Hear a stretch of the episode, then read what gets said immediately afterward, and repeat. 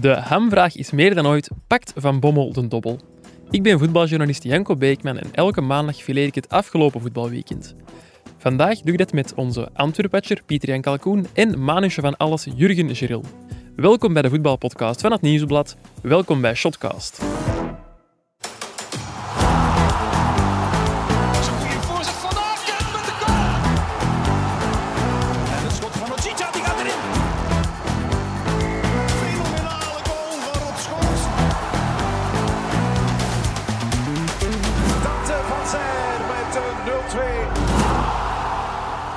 Dag Jurgen, dag Pieter-Jan. Nee, Janko. Hey Janko. Is dat een degradatiemanetje van alles? Of, eh, Nee, nee, nee, dat is gewoon, ja, Anderlicht doet niet meer echt mee in deze playoffs, dus Het is precies alsof ik hier de klusjesman ben.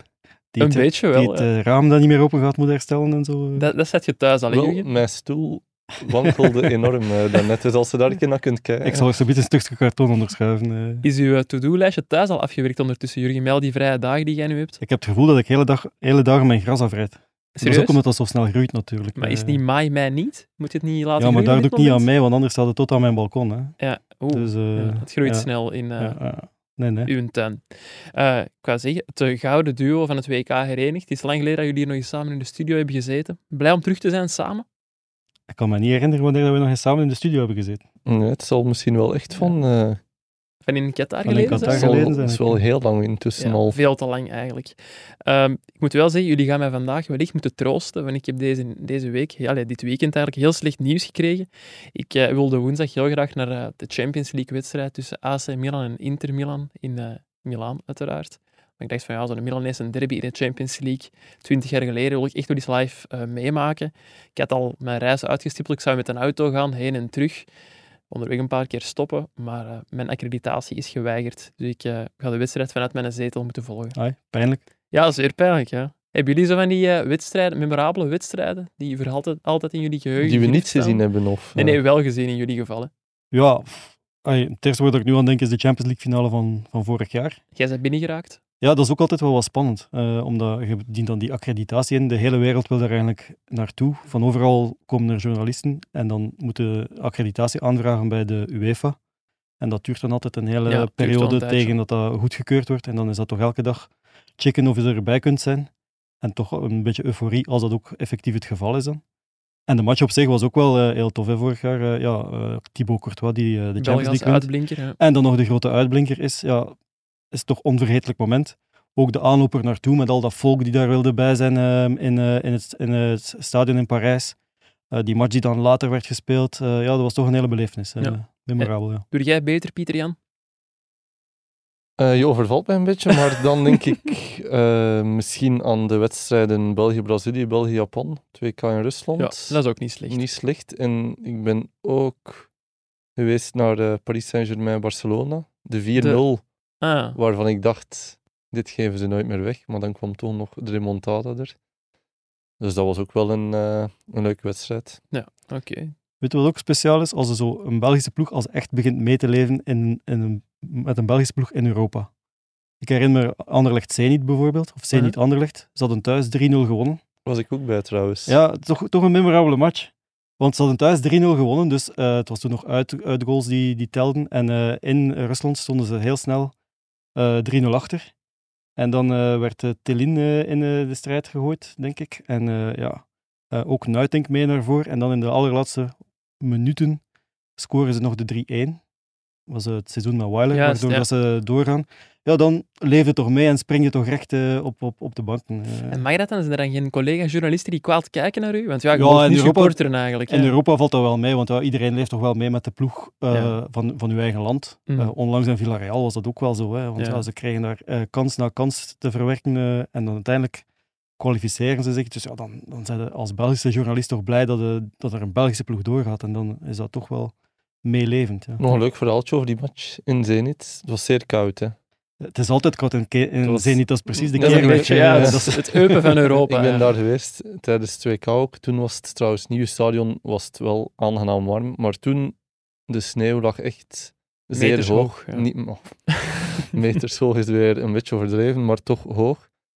En ik herinner me dat het een paar graden onder nul was, maar het was gevoelstemperatuur min 15, 16, 17, zoiets. En ze brachten naar de perszaal hamburgers. Ik weet niet of dat je dat herinnert. Dat is mij ontgaan, precies. En dat ja. was echt 100 meter wandelen van die hamburgerkeet naar de Mhm. perszaal. Tegen dat die er waren, waren die koud. Hè. Ja, ja. Zo dat, koud was het. ja, Ja, dat is maar- afzien. Hè. Allee, we zijn aan het afwijken uiteraard. Maar, Nee, we moeten eh, nog beginnen, dus doe ah, rust. Nee, want eh, ik ben er dan daarna geweest in het nieuwe stadion. Ja, daar ben ik ook geweest. En ja. ik, dat was ook redelijk in de winter, november of zo. En ik dacht van, oh, dat zal daar ijskoud zijn. Ik had daar al een, een sjaal en, eh, en van alles en nog wat. En ik kom daar binnen, het dak was toe en het was daar 20 graden.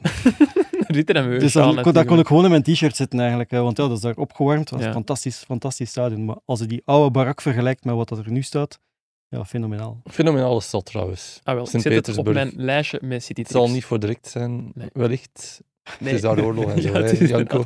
levensgevaarlijk. Dat gaan we Ehm, even niet doen. Wel echt een prachtige stad. Ja, Ik absoluut. noteer het. Oké, genoeg over hamburgers, Sint-Petersburg en memorabele wedstrijden. Tijd om het over de Belgische competitie te hebben. De titelstrijd is spannender dan ooit. Antwerpen sprong zondagavond opnieuw naar de leiding na een felbevochten 2-1 zege tegen Racing Genk. Terechte zege, Pieter-Jan? Ja, vond ik wel. Ja, er is nogthans wel veel discussie geweest tijdens de wedstrijd over eh, een aantal scheidsrechtelijke beslissingen waar ze bij Genk eh, ja, niet geheel Een tevreden beetje over. ten onrechte vond Ja, ik. ik wou eigenlijk voorstellen om de, de verschillende fases even te overlopen en onze mening daarover te geven. Eh, eerste penalty voor Antwerp, fout op Vincent Janssen van eh Sadik. Daar moeten we niet over discussiëren. dat dat is was gewoon binnen de Ja. 16. Dus voor de ook. beslissing kunnen we Ja, kort over zijn, was er binnen. Ik denk wel dat de, de VAR daarvoor moest ingrijpen, Nathan Ja. Verbomen, maar die had dat gewoon goed gezien. Tweede penalty dan. Eh, Hens van Brian Heijnen bij een eh, tackle op een schot van Jurgen Ekkelenkamp.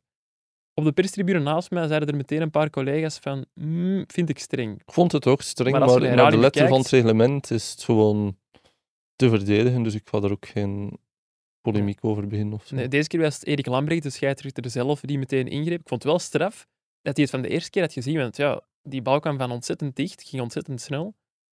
Maar nog één nuance, maar ik heb dat op geen enkel beeld gezien. Maar Wouter Franken zei dat de bal via de borst of via de dij van Heinen afweek. En Dat zo heb ik tegen niet de gezien. arm. Ik ook niet. Ik heb de Maar stel bekeken. dat het zo is, ja.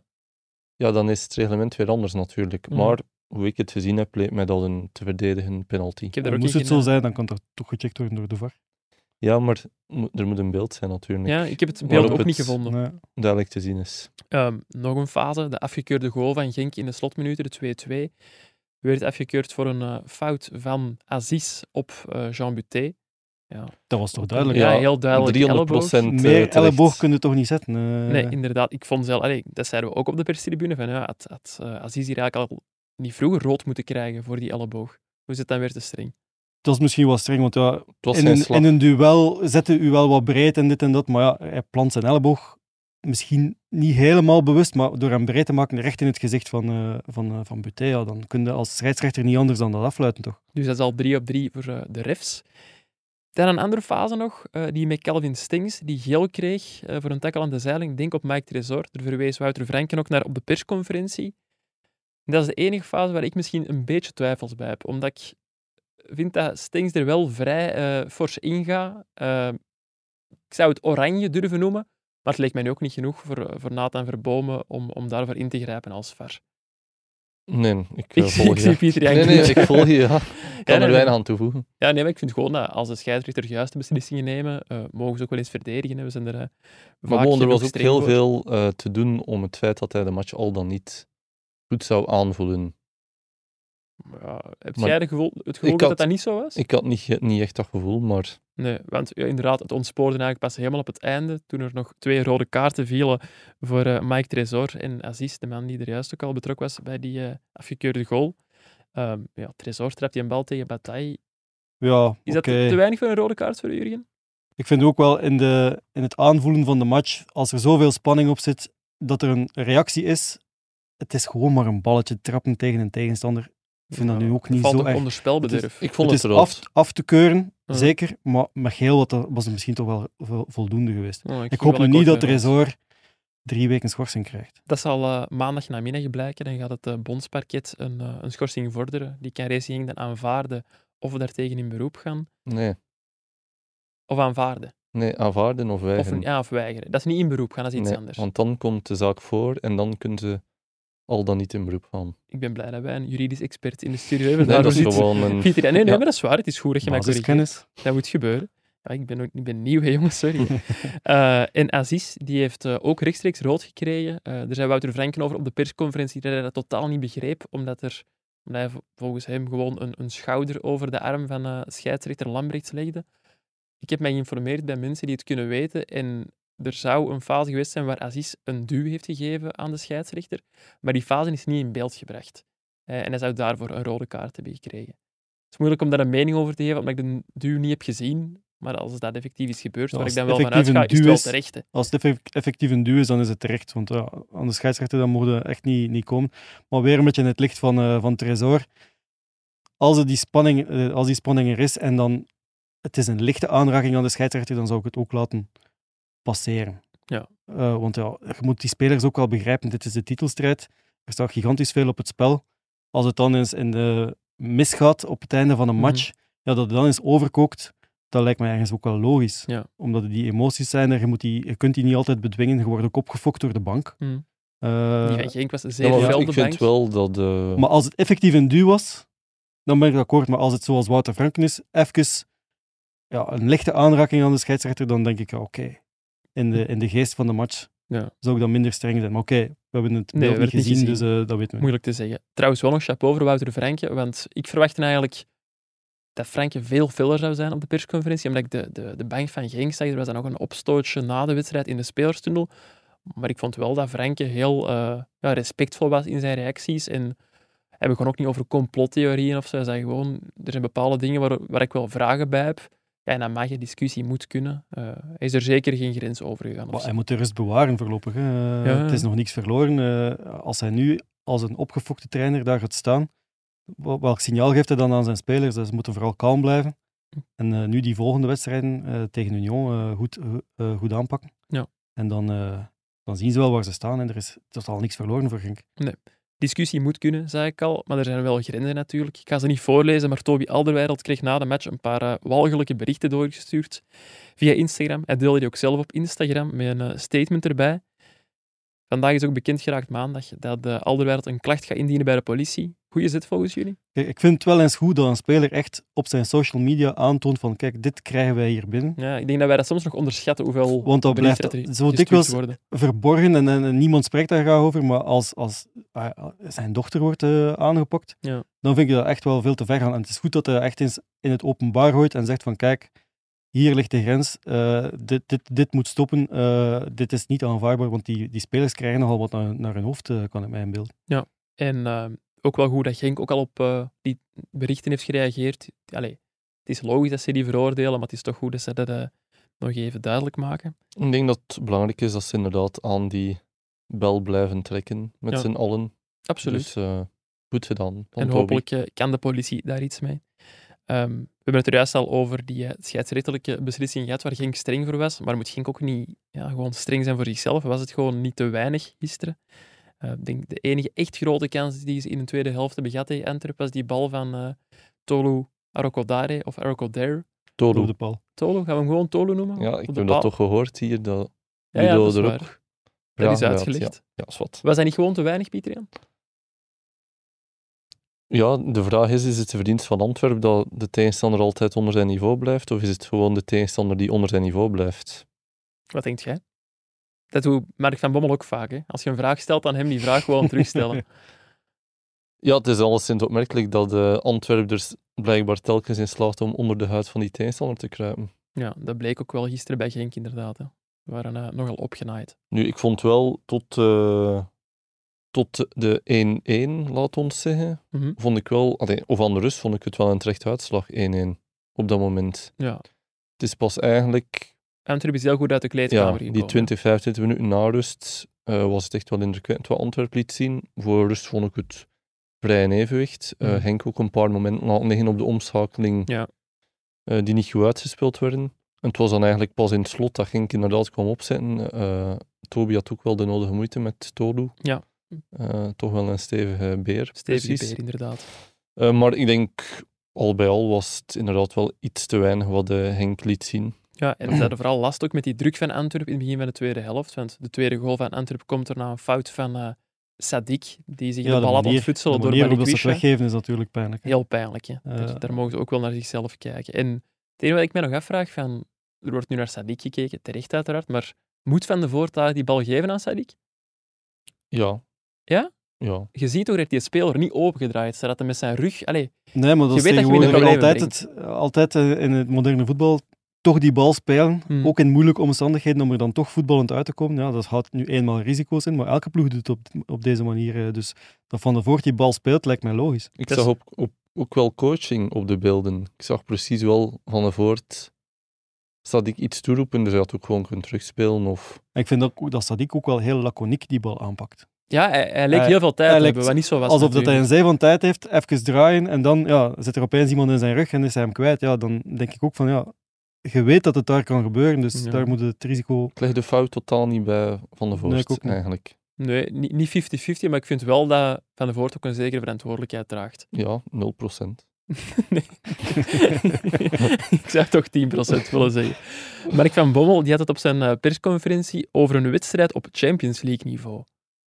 Is dat niet een beetje overdreven van uw vriend Mark Pieterian? Mijn vriend Mark. Eh, ja, dat was zijn mening. Dus eh, Ik ik heb mij even afgevraagd, zou hij niet bedoeld hebben op Champions Playoffs niveau? ik denk dat hij het eerder over de intensiteit had. Ja, dat hoop ik, want de kwaliteit van het spel was, was een pak lager dan En de intensiteit was wel hoog. Tempo lag hoog. eh, er werden heel veel stevige meters gemaakt. Dus ik denk dat hij het daar eerder over had dan over. Ja, hij heeft Champions League gespeeld, wij niet natuurlijk. Ja, we zullen volgend jaar zien. Hè. Als, eh, stel dat Antwerpen naar de Champions League gaat, dan zijn zullen ze daar...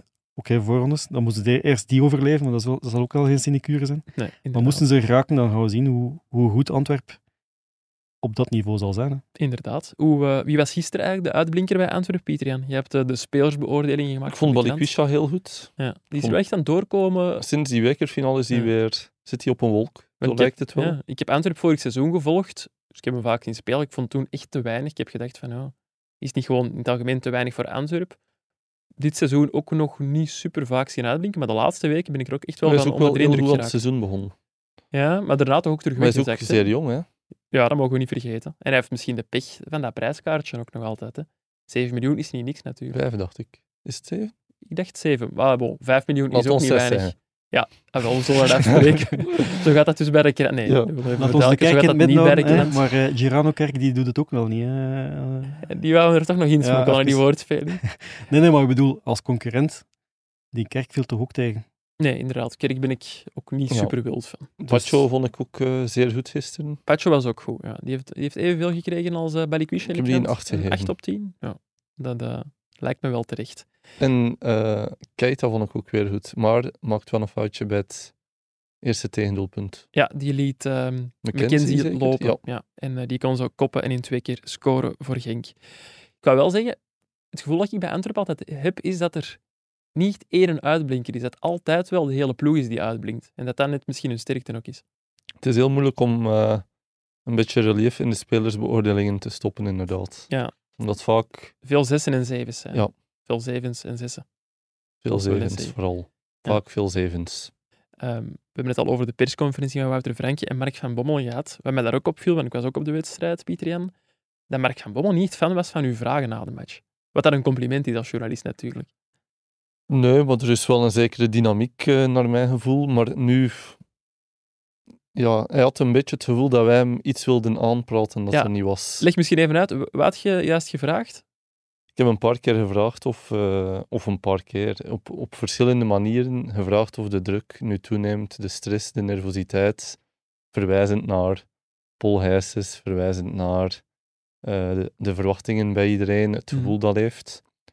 En op het einde zei hij zelfs van ja, we worden heel nerveus, want we staan eerste. Schrijf dat maar op. Ja, schrijf dat maar op. Maar dan, ja, dan knipoogde hij. Dus allee, hij vond het wel. Ja, ik denk dat hij het heel lastig vond dat er een bepaalde richting werd uitgehaald, terwijl dat in zijn beleving totaal niet zo is. Ja, hij wil vooral niet zelf gezegd hebben Nee. dat ze nu titelfavoriet zijn. Dat is heel duidelijk. Nog dat ze nerveus worden. Nee, maar dat lijkt mij ook helemaal Ik niet hoor zo. intern dat hij relaxer is dan ooit tevoren. Echt? Ja. Dat Van vind ik wel straf. Maar ja, bon, mens heeft natuurlijk ook op een heel hoog wel- niveau heeft wel gespeeld. heeft, meegemaakt. heeft meer meegemaakt dan een titelstrijd in België. Hij heeft ook het gevoel dat de, dat de trein bolt. Hè. Ja, dat is ook Eh, in het begin van het seizoen was er soms een beetje nervositeit dan toch of ergernis als er iets niet in orde was. Mhm. Maar nu staat er echt wel iets. eh, hij heeft zijn ploeg op de rails. Dus ja, hij is heel chill, Ja. blijkbaar, Mark. Ik wil niet te hard meegaan in de waan van de dag. Ik ga het toch een beetje doen. Is Antwerp voor ons nu de titelfavoriet? Of, of kijken jullie toch nog steeds eerder naar Union of naar eh, Racing Genk? Wat is Antwerpen de titelfavoriet? Ja, de manier waarop ze het op dit moment aanpakken, steken ze er misschien wel bovenuit, maar ik zou de andere twee zeker, eh, zeker niet afschrijven. Eh, Union, echt wel een zeer stugge ploeg, want ik heb die op Brugge bezig gezien eh, dit weekend en dat is echt wel, ja, Costo. ja, inderdaad. En dan met Boniface daar een spits vooraan die uit het niets kan, kan scoren. En Genk, ja, oké, dat zal nu wel even pijn doen om die, om die titel, die eerste positie te verliezen. Aan de andere kant, ze zijn die eerste plaats nu kwijt. Er is ietsje minder druk. De, de favoriete rol gaat misschien echt wel naar Antwerpen. Die houden ze dan wel af, maar oké, dat zal automatisch komen. Dus Genk moet gewoon zijn spel blijven spelen en proberen ja, de, dat frivole terug te vinden. En, Ja. eh, en dan die matchen tegen Union te winnen. En dan, eh, dan wil ik het wel nog eens zien wie er op kop staat. eh. Ik noteer, Jurgen gelooft nog vol in Racing Genk. Ik, ja, ik geloof wel in Genk. Pieter Jan, wie is uw favoriet? Ik eh, heb hier al gezegd dat volgens mij Union kampioen wordt en ik blijf daarbij. Moet jij een druk weghalen bij Antwerpen? Nee, omdat ik gewoon vind dat ze de beste bank hebben. Ja, zij dat- kunnen Vertessen inbrengen, zij kunnen Nilsson inbrengen, zij kunnen... Als Adingra niet speelt, dan speelt Lopussin. Allee, ze- er zijn een paar spelers op de bank die, die iets kunnen bijbrengen. Veel meer dan bij Antwerpen, waar dan bijvoorbeeld Girano Kerk moet invallen.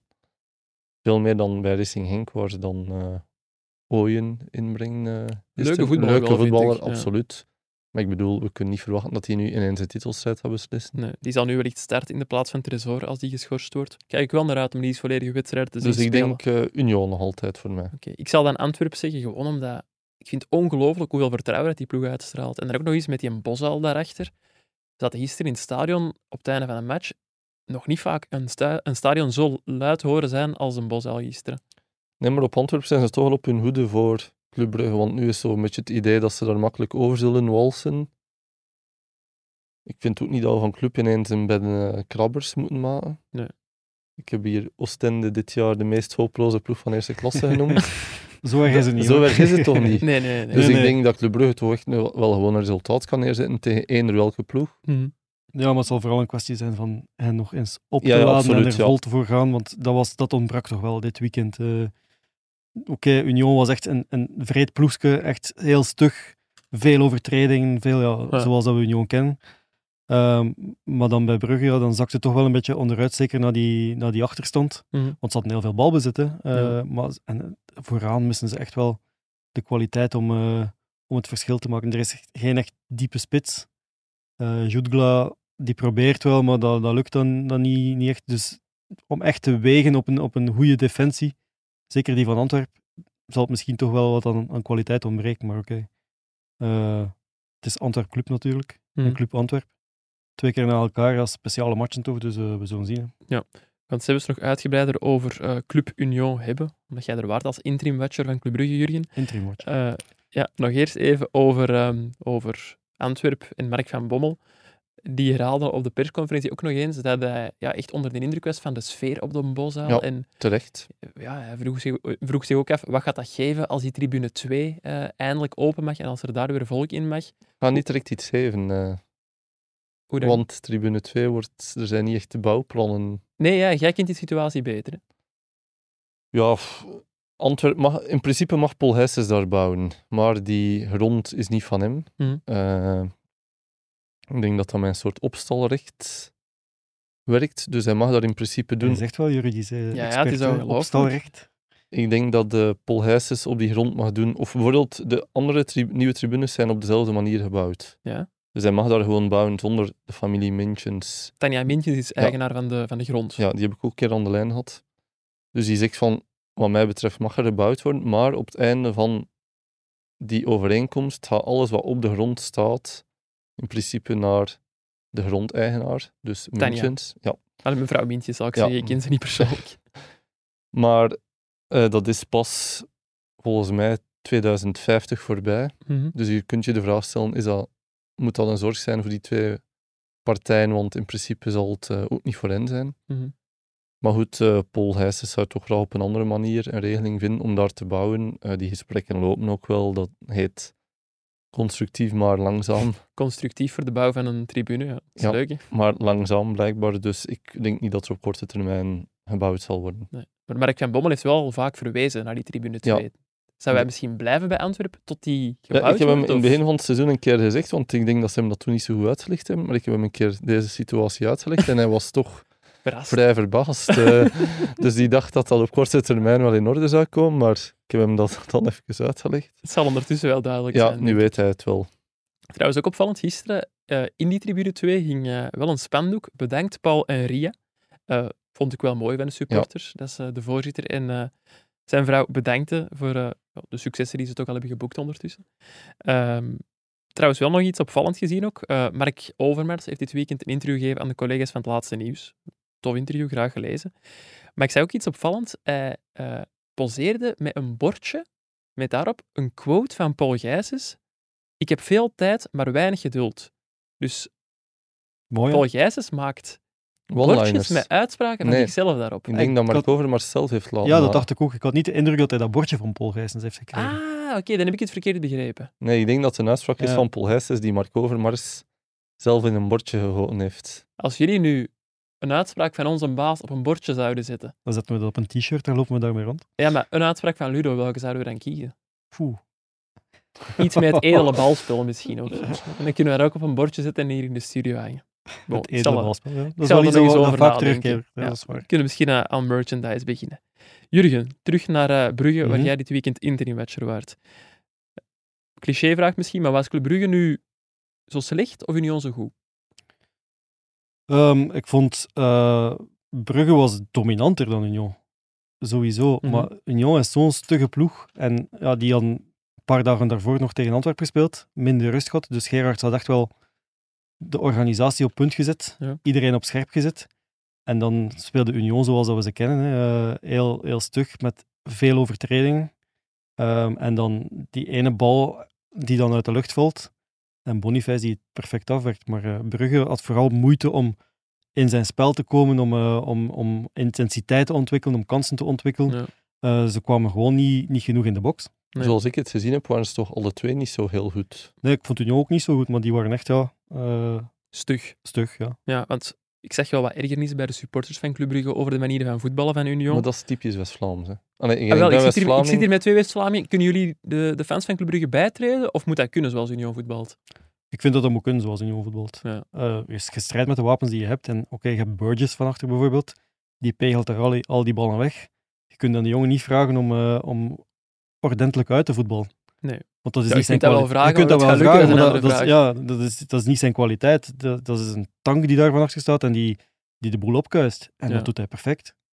Want dat is echt een speler die je liever in uw ploeg hebt dan, eh, dan bij, bij de tegenstander. Want als er moet tegenstaan, ja, dan, je wel eh, dan wordt opgegeten. eh. en ja, Jut- Jutgla heeft het wel eh, gezien, denk ik. Maar je vond dus niet dat Union er is overgegaan in zijn tijdrekken, in zijn...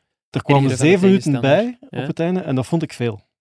Oké, ja, dan zal het wel meegevallen hebben. Zeg. Dat lag misschien ook aan de kwaliteit van het spel. Ja, je wou gewoon naar huis eigenlijk. Eh, want dat was niet veel soeps. Maar eh, ik dacht, zeven minuten, dat is nu echt wel extreem veel. Want zo erg, eigenlijk vond ik het niet. Oké. Ik ben dus jarenlang...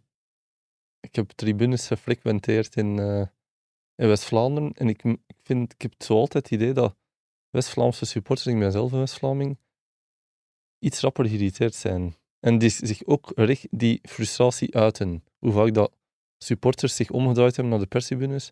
En schrift dan maar, ik kan je gaan zetten. zo, Maar zo is dat niet een dat is beetje toch typisch- typisch West-Vlaams? Ja, Dat maar, heb ik niet op Westerlo of op... nee, maar. Antwerpenaren zijn ze- zeer makkelijke mensen. dat is lang mijn, mijn gevoel geweest, ook echt bij de supporters van Club Brugge. Ah, zonder discriminerend te wij willen gaan hier zijn, weer maar- mails krijgen. Ja, ja, Oh. nee, maar dat, dat, dat, is, dat is ook de kracht van Brugge, omdat dat stadion zo meeleeft Ja. en, en een invloed uitoefent op wat er op het veld gebeurt, doordat die zich zo opjagen in, in fases. Dat gevoel had ik bij Antwerp gisteren ook wel, dat de supporters Bij Antwerp echt zullen we misschien onder ook de wel huid van, van Genk zijn gekropen. Want Ja. Peensel had in minuut 7 een opstootje met, met Moeja. En die is echt een hele wedstrijd lang uitgefloten. En je zag gewoon dat hij uit de wedstrijd is En ze houden het ook vol, hè. Ja, ja. dat- dat- Dus echt wel... Alleen zo drie minuten na rust waren ze even verzwakt, maar ze zijn dan wel teruggekomen. Vond ik eh, wel straf om te zien. Eh, onze chef voetbal, ik heb hem al genoemd, Ludo, die eh, sprak in zijn commentaar over gelatenheid bij Club Brugge. Heb je daar iets van gemerkt in het stadion, Jurgen? Ja, ik vind dat wel... Allee, het fanatieke Jan Breidel is ook een beetje weg, Ja, want dat spreekt nu een beetje tegen Ja, wat je net zei over, over die ergernis en zo. Ja, ja oké, maar eh, ik programmeer in het verleden over die Mhm. ergernis. Nu, tegenwoordig, vind ik, zeker nu die match hier, dat ja, het straalt zo wat meer gelatenheid uit. Ook. Het, het stadion ook. Oké, ze hebben veel prijzen gepakt de laatste afgelopen drie jaar, eh, of de afgelopen jaren. Die supporters weten ook wel, oké, eens een minder jaar, Savat is nu niet dat die het kot in brand moeten steken. De wereld keer- vergaat niet. hè. de wereld vergaat niet omdat ze nu eens vierde zijn. Dus die kunnen daar wel mee leven. Maar ja, de kracht van Brugge is altijd wel geweest, ook dat stadion erachter. En dat, eh, dat ontbreekt nu wel een beetje. Je zei daarnet wel van ja, Club Brugge speelt nog wel een belangrijke rol in de titelstrijd, want speelt nog twee keer tegen Antwerp. Kan Antwerp dus in principe van de titel houden. Er speelt ook een prestigestrijd tussen Bart Verhagen en Paul Gijsens, twee eh, vastgoedconcurrenten, zullen we ze noemen. Geloven jullie dat Bart Verhagen de spelers van Club Brugge extra gaat proberen motiveren om ja, toch dat stapje extra te zetten tegen Antwerp, of zoek je het dan te ver? Ik denk dat, dat hij dat niet gaat doen. Nee? Ook omdat hij dan de spelers met externe factoren, want ja, dat er een vete is tussen Vragen en, eh en Gijsens, dat is niet zo belangrijk in de ogen van, eh, van die spelers. Dus Nee. liggen die daar wakker van? Dat denk ik niet. Ik denk dat die spelers van Brugge vooral voor zichzelf nog eens moeten uitmaken van hoe ver, eh, hoe ver gaan we nog gaan en hoe, hoe hard willen we hier nog eens inzetten om er nog iets van te maken. Ja. Want ja, die vierde plaats is bijna zeker een feit. Ja, hoe pakt het dan nu aan? Gaat er vol voor? zeg je van ja, Hans van Aken kan bijvoorbeeld topschutter worden van, van play-off 1. Ja. Ehm, is dat een intrinsieke motivatie om nog die, om nog die extra goal te maken? Dat soort dingen eh, hebben ze nodig om, om zich echt nog eens in de, in de kijker te spelen. Ja. Nu, als ik de mensen van Club Brugge kan geruststellen, in Conference League is het ook wel plezant. Heel Eh, plezant. Ja. Kun je daar ook wel amuseren. Het is een keer iets anders natuurlijk, maar Je komt eens op andere plekken en zo. Het moet niet altijd Parijs of Madrid zijn. zo'n voorronde in eh, IJsland of Andorra of Ik ben bij Anderlecht naar uh, Paille de Linamees komt geweest. Leuk, de toch? beste satés die ik vorig jaar heb gegeten. Echt waar. wij zijn samen in Albanië geweest nog. En Lachi. Ik ben nog in eh, Roemenië, in Kazachstan, eh allee, de zotste plaatsen allemaal. Dat is een keer iets anders. Onze Club gaat zich volgend jaar amuseren. Ja. Dat staat vast. Rick de Mil die was dit weekend het slachtoffer van Koen van Uitvangen in de 45 Vragen, een interviewreeks in de krant. Ik heb weer een paar interessante dingen gelezen, zoals wel vaker in eh, de stukken van Koen. Quote van eh, Rick de Mil. Jorne ons. mag zich qua kwaliteit en talent naast de bast stellen. Gaan we daarmee akkoord? Ehm, op basis van afgelopen match misschien niet meteen, Nee, we moeten het breder bekijken. maar we moeten het breder bekijken. En ja, die jongen heeft zeker talent. En, maar het belangrijkste is natuurlijk ervaring opdoen. Mhm. Je ziet ook, de Bast heeft Interlands gespeeld. eh, dat helpt. Ja. Maar je zag ook in zijn eerste Interlands, ik herinner me tegen Van Dijk on- ongeveer, dat hij zich dan ook liet aftroeven.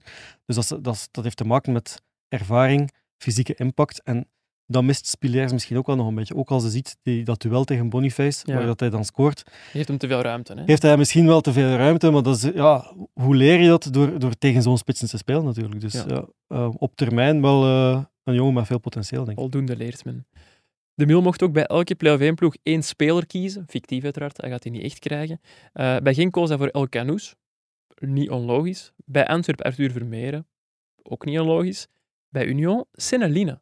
Ook niet onlogisch. Niet onlogisch, maar ik was wel verrast. Dat ik eerder voor Boniface Ja, zou je gaan. hebt toch ook Thuma, je hebt Boniface. Ja, maar Thuma, ik zou altijd Linen boven Thuma kiezen. En waarom?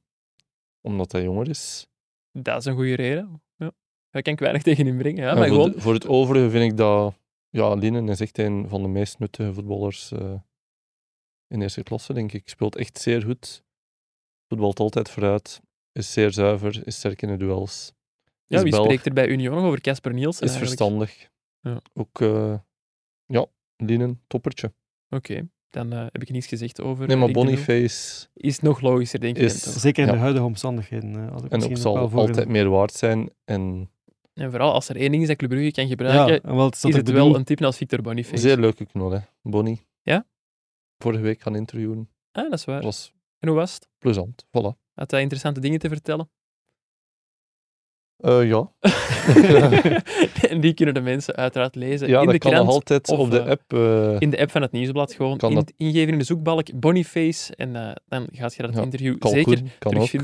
Kalkoen, dan gaat je nog meer interessante dingen terugvinden. Absoluut.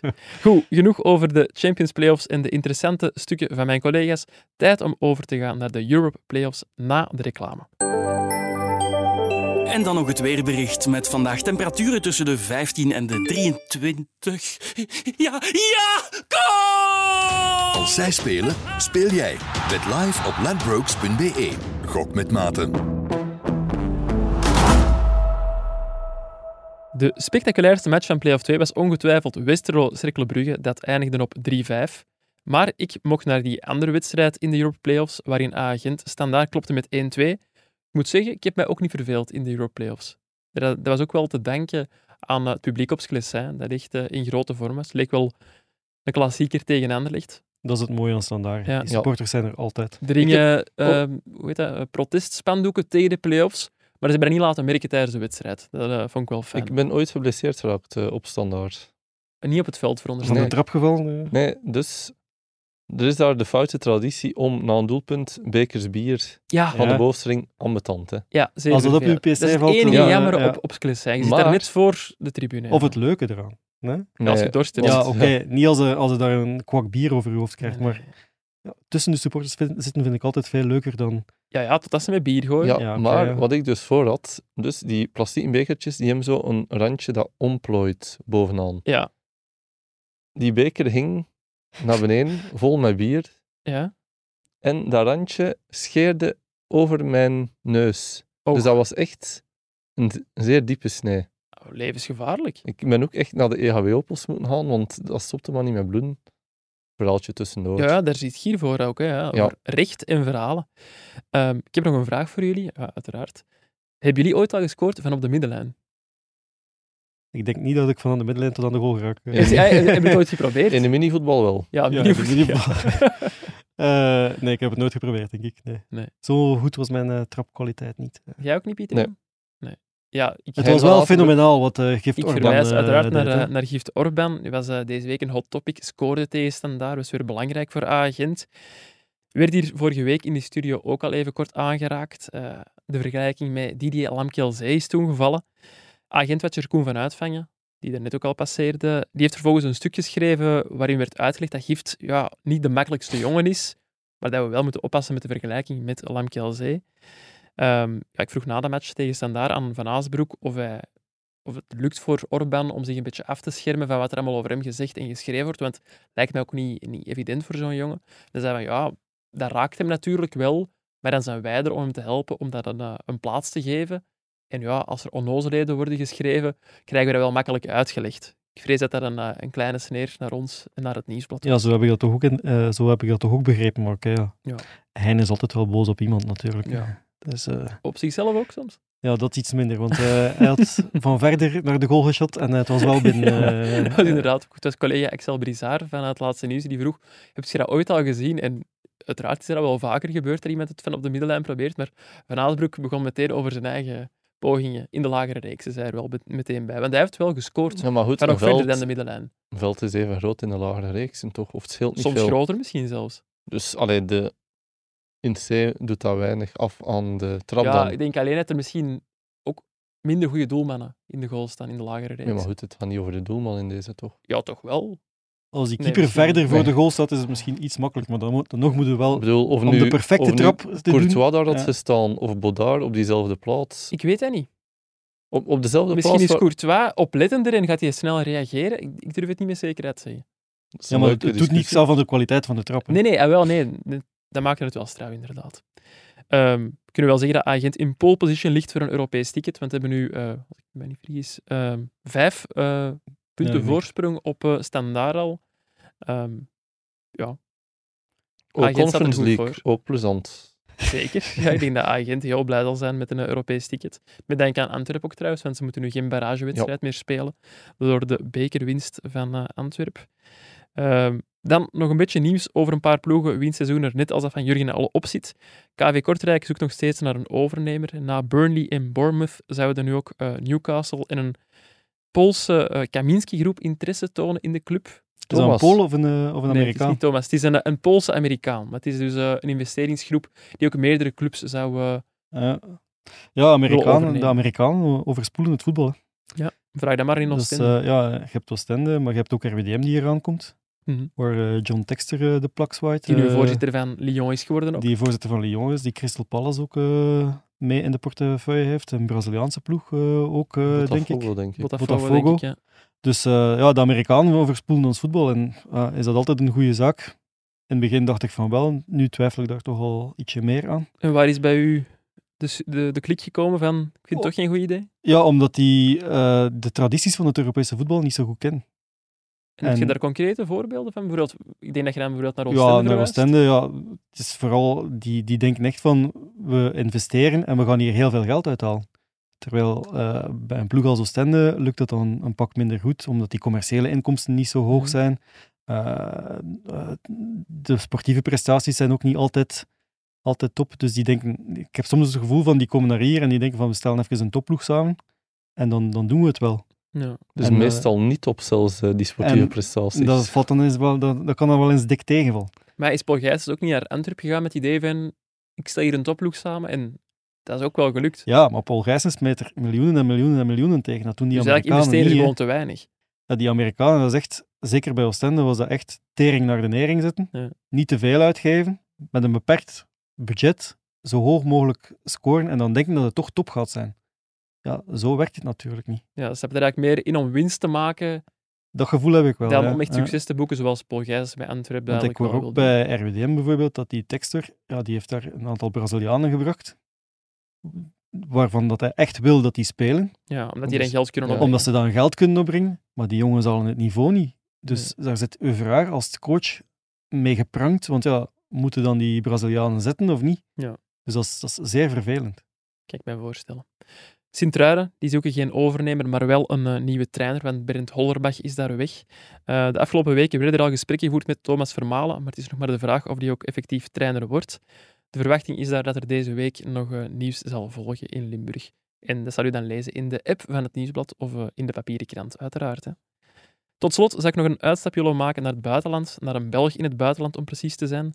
Vincent Company heeft zijn contract bij Burnley verlengd met vijf seizoenen. Zijn jullie verrast? Proficiat. Vijsal. Ik heb, er, ja, ik heb er weinig mee te maken. Nee, Waren jullie verrast? zei ik eigenlijk. Maar Eh, verrast door de omvang van het contract. Ik bedoel niet alleen financieel, maar ook Mhm. de vijf jaar is toch heel lang Dat is heel lang. eh, voor een trainer. Ja. Stel je voor dat hij vijf jaar bij Burnley blijft. Maar is er ook niet met het idee... Ja, Ja, oké. je hebt Met het idee twee van... kanten zekerheid Ja, natuurlijk. je hebt twee, en ook als, als iemand dan wil wegplukken, eh, zal hij misschien wat eh, gebijtelder zitten eh, Ja. nu. Ja, voor een trainer is het altijd relatief of dat, dat iets duurder is. Ik weet niet hoe Ja. dat in Engeland werkt, maar ja, in België toch zeker in niet. België maar is dat makkelijker om Ja. een trainer weg te plukken dan een, eh, dan een speler. Maar het typeert ook wel Company een beetje, vind ik. Eh, hij heeft in het begin van het seizoen gezegd van, we gaan voor de lange termijn. Mhm.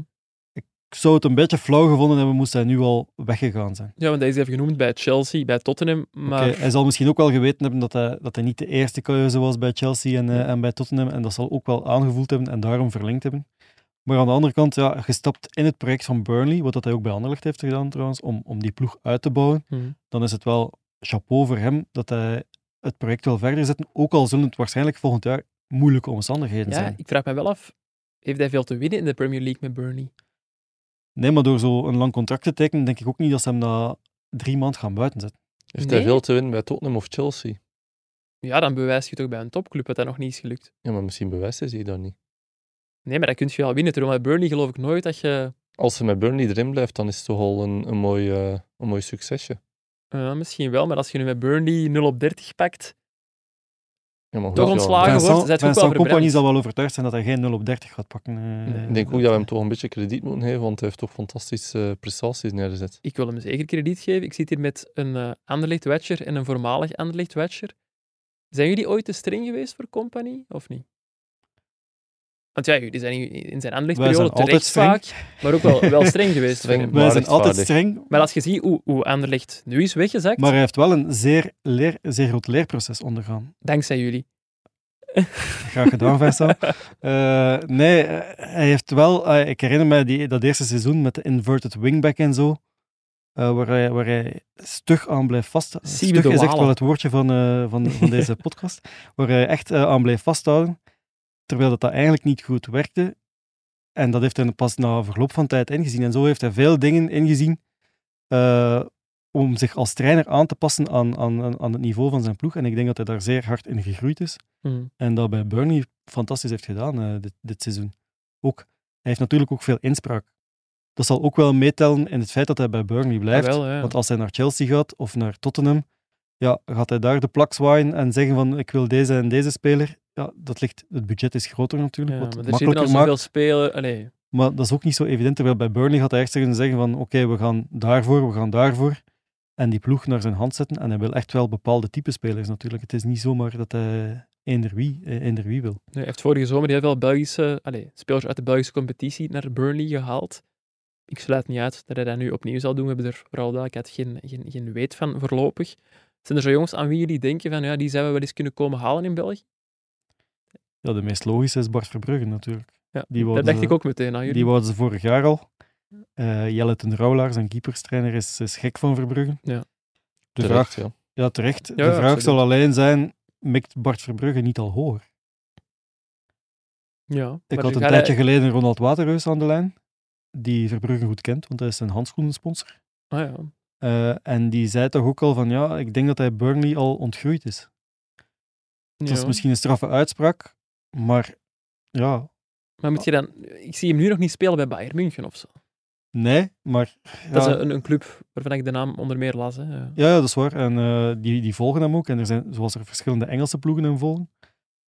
Het kan ook een, een lange termijn project zijn natuurlijk. Hè. Je kunt nu al bij Bayern tekenen om dan uitgeleend te worden. Of, of bij eender welke ploeg, ik zeg maar iets, Tottenham of zo. Om dan eh, op termijn Loris eh, te vervangen. Mhm. Maar eerst nog twee jaar bij Anderlecht spelen. Ja. Het eh, project van de Voort Ja, die, bij, bij Genk. Courtois is destijds ook zo vertrokken bij Henk. hè. Ja, is die is ook uitgeleend aan een Atletico, denk ik. Atletico meteen. Courtois- ja. eerst, eerst Genk. Hij is verkocht, denk ik, aan Ja, in eh, Chelsea. Hij- verkocht. Hij, is dan nog een, een half jaar bij Genk gespeeld, Ja. kampioen geworden. En dan eh, ja, uitgeleend eh, aan Atletico en zo. Oké. Jij nog eh, spelers aan wie je denkt, Pieter Jan? Nee, maar ik had gelezen eh, van collega David van den Broek dat Keita ook op de lange verlanglijst van Burnley zou staan. Ah, oké, dat is wel een Dat is sowieso wel een speler dat Compagnie bij Anderlecht eh, in de gaten Keita. had. Ja. Dus Snap ja, dat is wel wel. een speler die op zijn lijst Maar goed, ik kan ook niet goed de financiële mogelijkheden van Burnley inschatten. Om Die- eerlijk te zijn. Die wel een pak groter zullen worden. Ja, ze krijgen met de 120 promotie. miljoen euro tv Ze hebben Foster toch ook eh, vrij duur eh, weggehaald in, 9 eh, miljoen, denk ik. in het Kuipje. Dus ik vermoed dat er wel mogelijkheden zijn, maar kan ook niet goed inschatten hoeveel van de jongens die er nu zijn moeten mee naar de Premier League. Het zal toch allemaal... Ik eh, als je zie volledig Samuel nieuwe ploeg... Bastien nu toch niet volop meedraaien in de Premier League. Josh zijn. wel? Die is iets stabieler, denk ik. Ja.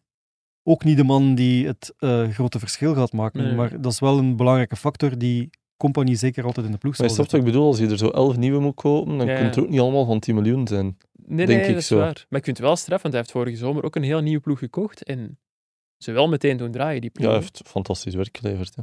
Rick de Mil die vertelde in de 45 vragen ook over de pro-license cursus. Die heeft gevolgd met onder meer Karel Gerard, Stijn Stijnen en eh, ook Vincent Company. En op de vraag wie er op hem de meeste indruk had gemaakt, zei uiteraard Company, zoals wel meer mensen zullen zeggen. Ehm, hij vond vooral straf dat Company ook met hem een praatje kwam doen, omdat hij zichzelf ook maar, tussen aanhalingstekens, eh, Rick de Mil noemde. Ten onrechte. Waarom? Zo, Een grote Rick de Mil fan? nee, maar ik bedoel, die mag toch wel... eh, die mag toch iets meer zelfvertrouwen hebben, denk ik dan. Ja. En Ik vinden ben- jullie het zo raar dat Company een, een praatje komt slaan met die mannen? Nee, ik, ik hoor van iedereen die een beetje in die cursus heeft gezeten dat Compagnie zeer toegankelijk is. Ja, Eh, ook op zijn Vincent Compagnies, omdat hij wel de nodige kennis heeft Ja. en dat ook graag deelt. ja, ja. Ehm, en, en, en uitstraalt van ik heb het allemaal meegemaakt en, en ik wil dat gerust aan jullie, aan jullie delen. Maar het is wel op een zeer vriendschappelijke manier eh, Ja. en, en echt... Niet van, met ik ben hier de leraar en ik niet, ga niet, ja, niet met het grote ego, maar wel eh, om, om raad te geven aan, aan collega's. Dus dat is wel sympathiek van Compagnie. Ja. Op de vraag hoe Rick de Mil in slaap moest geraken na een wedstrijd, had hij niet meteen een antwoord, maar ze hadden wel een theorie van Christophe Daum, ex-trainer van Club Brugge, en die las blijkbaar strips voor het slapen gaan. Ja. Slaapte jij goed na een wedstrijd, Janko? Eh, ja, nee, want ik had vroeger, toen ik nog voetbalde, een eh, vaste routine. Ik dronk altijd twee naloes voor een wedstrijd. Ah, vind ik Ja. verschrikkelijk. Uiteraard kun je dan niet slapen na de match. Echt niet lekker. Ja, ik wil oranje Nalu. Dat is ongelooflijk lekker. Maar bon, genoeg over Nalu, Burnley en Vincent Company. Tijd om over te gaan naar de wisselrubriek. In onze wisselrubriek haal ik vandaag opnieuw een klassieker van onder het stof. Ik zie, ik zie wat jij niet ziet en het is Napoli dat kampioen wordt. Jurgen, jij zei vorige week in Napels geweest in aanloop naar die titel. Vertel ons alles over eh, het feest in Napels. Het was waanzinnig. Voor Echt de waar. wedstrijd tegen... eh, Dus ja, het was, het was de avond van de kampioenenmatch. Ja. En ze konden de avond voordien al kampioen worden als Lazio toen die, die wedstrijd niet won tegen Ja. Sassuolo. Dat ging een domper geweest zijn, want eh, ze wouden het echt zelf afmaken Ja. bij Napoli. En dus ik was in de stad terwijl dat ze in eh Udinese speelden. Udinese. Ik kon even niet op de naam komen. Ja, eh, dus eh, daar moesten ze minstens een punt pakken. En die stad, dat was echt niet normaal. Ehm, op elk pleintje, bij elke bakker, bij elke bijnauwer, bij elke café stond een tv waar er overal groepjes mensen, soms hele grote groepen, stonden te kijken naar die wedstrijd. Ja. Als daar een controleur van Eleven was geweest, dan mochten al die tv's uit. Want dat was echt niet normaal. En dan ja, bij die goal van Osimhen, eh, de de 1-1, de kampioenengoal, Mhm.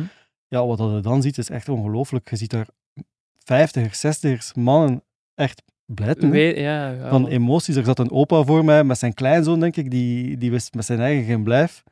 En dan bij het, bij het laatste fluitsignaal, ja, de, de massa die naar het eh, plein, het centrale plein in Napoli ging, was niet normaal. Het, ik, ik, ik raakte verstikt door, het, eh, door de rook van het Bengaals vuur. Zoveel rook, hè? Ja, echt waar. eh, doof van de, van de bommetjes die om, ontploften. Ik zag daar kinderen van vijf jaar met eh Bengaals vuur in hun hand staan. Levensgevaarlijk. Ja. Ja, dat ik dacht van, dat is 3000 graden. maar die kinderen volop met dat, met dat vuur in hun hand. Dat was echt fenomenaal. Ik heb ook iets gelezen over dat er bij de vorige mogelijke titelwedstrijd, bij een goal, dat er een, eh, een aardbeving is geweest in Napels. Dus dat, dat ze zo laat hebben gejaagd dat er een aardbeving van 2 op de schaal van Richter was. Heb je daar iets van gevoeld nu bij de goal van Osimhen? Ik heb de aarde niet voelen schudden, maar ja, het was, eh, ja, de explosie van vreugde Ja. was, was gigantisch. Het voordeel was, omdat het was niet één centraal plein. Oké, je kon naar videoschermen gaan kijken in, eh, in het stadion. Ik heb dat geprobeerd. En toen ik inlogde online, er waren eh 59.500 en zoveel mensen aan het wachten voor me. Ja. Dus eh, erbij eh, zijn is, eh, is niet gelukt. Alleen, er waren tickets van 100 euro nog, VIP-tickets, maar dat heb ik toch maar aan mij laten voorbijgaan. Dat vond ik nu net te veel. Ja, dat is niet goed. Ehm. Maar het voordeel was, al die mensen zaten verdeeld op pleintjes in de stad Ja. voor die match. Ehm, en dus was, het, was het, de vreugde verspreid over heel de stad. Vuurwerk ook overal na die match. Ehm, en dan kwam iedereen echt naar dat centrale plein. En dat was, het centrum was verkeersvrijgemaakt. Mhm. En op een bepaald moment, na een uur en een half, had ik het wel wat gehad met de bommetjes en, Hoofdpijn. en, eh, en het Bengaalsvuur. Dacht ik van, ik zal even teruglopen Ja. door die winkelstraat. En dat was niet normaal hoeveel volk dat er van, eh, van die ene kant naar dat plein nog altijd kwam om het, om het feest te vieren. Fenomenaal. Ja. Wie ook aanwezig was in de stad, ja, niet in levende lijven, maar wel Ja, overal. Hè. andere manieren, was Armando, Diego Armando Maradona. Ja, eh, eh, Ik heb mij zelfs een foto gestuurd op WhatsApp, Jurgen, van het een haar. haarplukje van. Diego Maradona. Ja, Dat geweldig. je uitleggen. Eh, dus ja, overal in de stad kom je Maradona tegen. De man die in Napels in Ja. 90, eh, 33 jaar geleden de laatste keer kampioen heeft gemaakt. Mm. En nog altijd de grote god is. En er is één bar, een koffiebar, eh, Bar Nilo heet dat. Mhm. En daar staat een schrijn met een haarpluk van Diego Armando Maradona. En hoe zijn ze eraan geraakt? En dus de eigenaar beweert dat Beweert, hij... moeten we er wel Ja, bij ja, zo heb ik het ook eh, Ja. afgeleid uit uw stuk. Het is ook niet helemaal Dat is zeker, ook, toch? ja, de DNA-test een DNA-test zal hij niet gedaan hebben, denk ik. Nee. Maar de eigenaar beweert dat hij 30 jaar geleden, of, of zoiets, eh, op het vliegtuig zat met eh, Maradona. En hij heeft dat uit het Nee. hoofd van Maradona getrokken. Nee, dat, dat durfde hij niet. Maar eh, bij het verlaten van het vliegtuig, ehm, dan heeft hij op de zetel van Maradona een pluk haar gevonden. Die was uitgevallen uit zijn kapsel. Ik wil er even bij vragen. Verliezen jullie soms, ja, Pieter en jij niet, maar verliezen jullie soms plukken haar? Een, een haartje, oké, Zeker- maar een hele pluk Zeker haar. niet zo'n grote pluk. eh, ja, Maradona heeft natuurlijk wel van alle, allerlei dingen eh, verslavingen gehad, dus wie weet wat dat eh, voor invloed heeft Ja. gehad op, op, zijn, eh, op zijn kapsel. Misschien is het een pluk haar van zijn hond of zo, die op zijn, die op zijn schouder lag, weet ik veel. Ik Dus, zit eh, ook vol Betty haar soms. Ja. Ja, dus, ja, dus die man heeft dat meegepakt. En dat staat nu in zijn, eh, in zijn bar, zijn koffiebar. Het is wel ja, Echt in geniale een schrijn. marketing stunt, want de mensen komen naar die bar voor die pluk Ja, haren ja, en naar het schijnt komen daar echt Argentijnen met eh, tranen in hun ogen, met een shirt van, eh, van Argentinië, eh, van 86 en zo, eh, die dan echt geëmotioneerd raken door... eh, En Moet je dan een gebedje doen voor die schrijn of zo? Hoe werkt dat dan? Nee, ja, je mocht daar eh, staan en daar onder de schijn hangt een bordje. Als je er een foto van trekt, drink dan ook een espresso. eh. En heb je dat gedaan? ja, uiteraard. Ja, Ja, de dat, marketing eh, moet, moet werken. Hè. Ik vind het wel Maar- leuk. Ik vond het wel leuk. het was echt Ja, wel, ja, en, en Maradona echt wel om overal, eh, de, de murales, ook de grote tekeningen op, eh, op de huizen Ja. van, eh, van, van Diego. eh, echt overal eh beeldenissen, truitjes van Maradona, ja, echt portretjes van Maradona. Heb je die gekocht van Maradona ook, Jurgen? Of Nee, ik heb wel een Napoli shirt gekocht. voor uw kinderen dan? Nee, nee, voor mezelf. Voor mezelf. Want ja, ik vond echt, dat ik echt moest opgaan in de massa. Ja. En dus heb ik mij een eh, Napoli shirt aangeschaft van uh, Kvaratskhelia. Kvaradonna, de moderne Maradona, Maradona. ja, dus met het nummer 77. Ik kan hem aan mijn zoon geven, maar ja. Hij eh, zal erin zwemmen. Hij zal erin zwemmen. Op de groei. De Serie A is trouwens de enige topcompetitie waar de kampioen al bekend is. Wie er eh, de komende weken nog kampioen wordt in Engeland, Duitsland, Frankrijk en Spanje, kunnen de mensen lezen in het nieuwsblad of horen in Shotcast. En wij gaan ondertussen over naar de afsluiter. Jurgen, Pieter Jan, wat gaan jullie deze week nog, eh, nog doen? Ehm, ik zal me bezighouden met de titelstrijd in de Challenger Pro League. Dat moet ook Eh, gebeuren. Het is iets anders dan de Serie het is ook A. Anderlecht. En het Ah, is ook hè? ja. Je Dus, blijft een eh, beetje Anderlecht Zo kan ik nog eens eh Anderlecht aan het werk Ja, zien. Want RCA Futures spelen Ja, tegen de RWDM. Futures. Die spelen de titelmatch eh, tegen RWDM op het veld van RWDM. Eh, die moeten winnen. Ja. Tenzij Beveren punten laat liggen. Eh, die spelen tegen Club Next. Dus het is tegen twee beloftenteams, maar ik denk wel dat RWDM de beste, de beste papieren heeft. Ja. Dus wie weet zien we volgend jaar drie Brusselse clubs in, eh, in 1A. Over eh, wie die promovendus wordt, gaan we het volgende maandag zeker hebben. Pieter Jan, jij nog wilde plannen deze week? Ik ga mij vooral bezighouden met de titeldroom van Antwerp en Paul Heijsens. Oké. Die toch stilaan tastbaar wordt, hè, mogen we zeggen. dat die mocht- ja, titeldroom. voor mij zijn ze favoriet. Ik heb het al gezegd, Pieter Jan. Dus eh, ja, veel Antwerp in de krant Een eh, eh, goed deze gevulde week. week, voor u. Ja. ik ga zelf eh, ja, niet naar Milaan, zoals jullie in het begin van deze aflevering al Wat hebben ik gehoord. enorm betreur trouwens, daarop inpikkend, Ja, waarom? als jij voorstel, denkt van ah, ik ga met de auto naar Milaan, dat je dan niet een keer vraagt van jongens, Ja, nee, maar ik ging nog vragen om mee een roadstrip van? Maar ik ben niet, niet aanvaard. Dus nee, nee, oké. ik ga maar- niet. Ik ga, je bent wel welkom bij mij in de zetel, als je wilt. Dat dan weer wel. En ik heb trouwens nog een beetje raad van jullie nodig, want ik ga ehm, morgen, dinsdag, voor de eerste keer een echt gastcollege geven aan een hogeschool in West-Vlaanderen. Ik ben een beetje bang dat de mensen mij dat niet gaan begrijpen. en jullie als twee West-Vlaanderen kunnen mij misschien taaltips geven. Ja, Kortrijk. Ik heb al een paar keer zo... Maar Kortrijk is een volledig ander accent dan dat van anders ons. jullie? Ja, dat is waar. Dat is meer ske, Ske. skone. Sko. Zo. Ja. Wij, wij Wij zijn- zeggen, ja, in Kortrijk zeggen ze skuppen, Wat denk wil ik. dat zeggen? Schuppen. Schoppen. Ah, schoppen, ja. En wij zeggen scho- schoppen. Ja.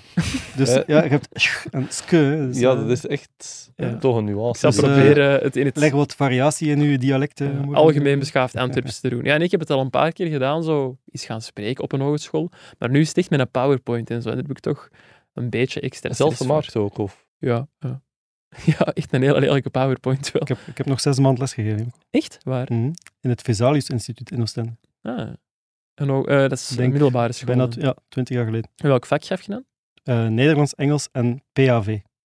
Ja, Project Algemene, Algemene Vakken. Ja. En eh, de beroepsrichtingen hebben ze niet echt Nederlands. Ah, ik weet niet of dat nu nog zo is. Nee. Ah, dat ze- weet ik niet. Ze Ja. hebben niet echt Nederlands of Frans of geschiedenis. Dat was één Gebundeld vak. gebundeld vak waar dat zo wat alles in zat. Ik zei het al, onze manische van alles. Jurgen Geril. Voilà. Goed, eh, het zou kunnen trouwens dat er deze week ook nieuws komt over eh, de nieuwe stem eh, van Shotcast, die we nog steeds zoeken en misschien zelfs al gevonden hebben. Daarvoor moeten de mensen de socials van Shotcast in de gaten houden. Dan zijn we volledig rond voor vandaag. We zijn weer helemaal mee. Merci Jur- Jurgen, merci Pieter-Jan, merci cameraman Sebba en Elisabeth voor de montage en merci aan de mensen om te luisteren. Geniet nog na van het afgelopen weekend en tot maandag.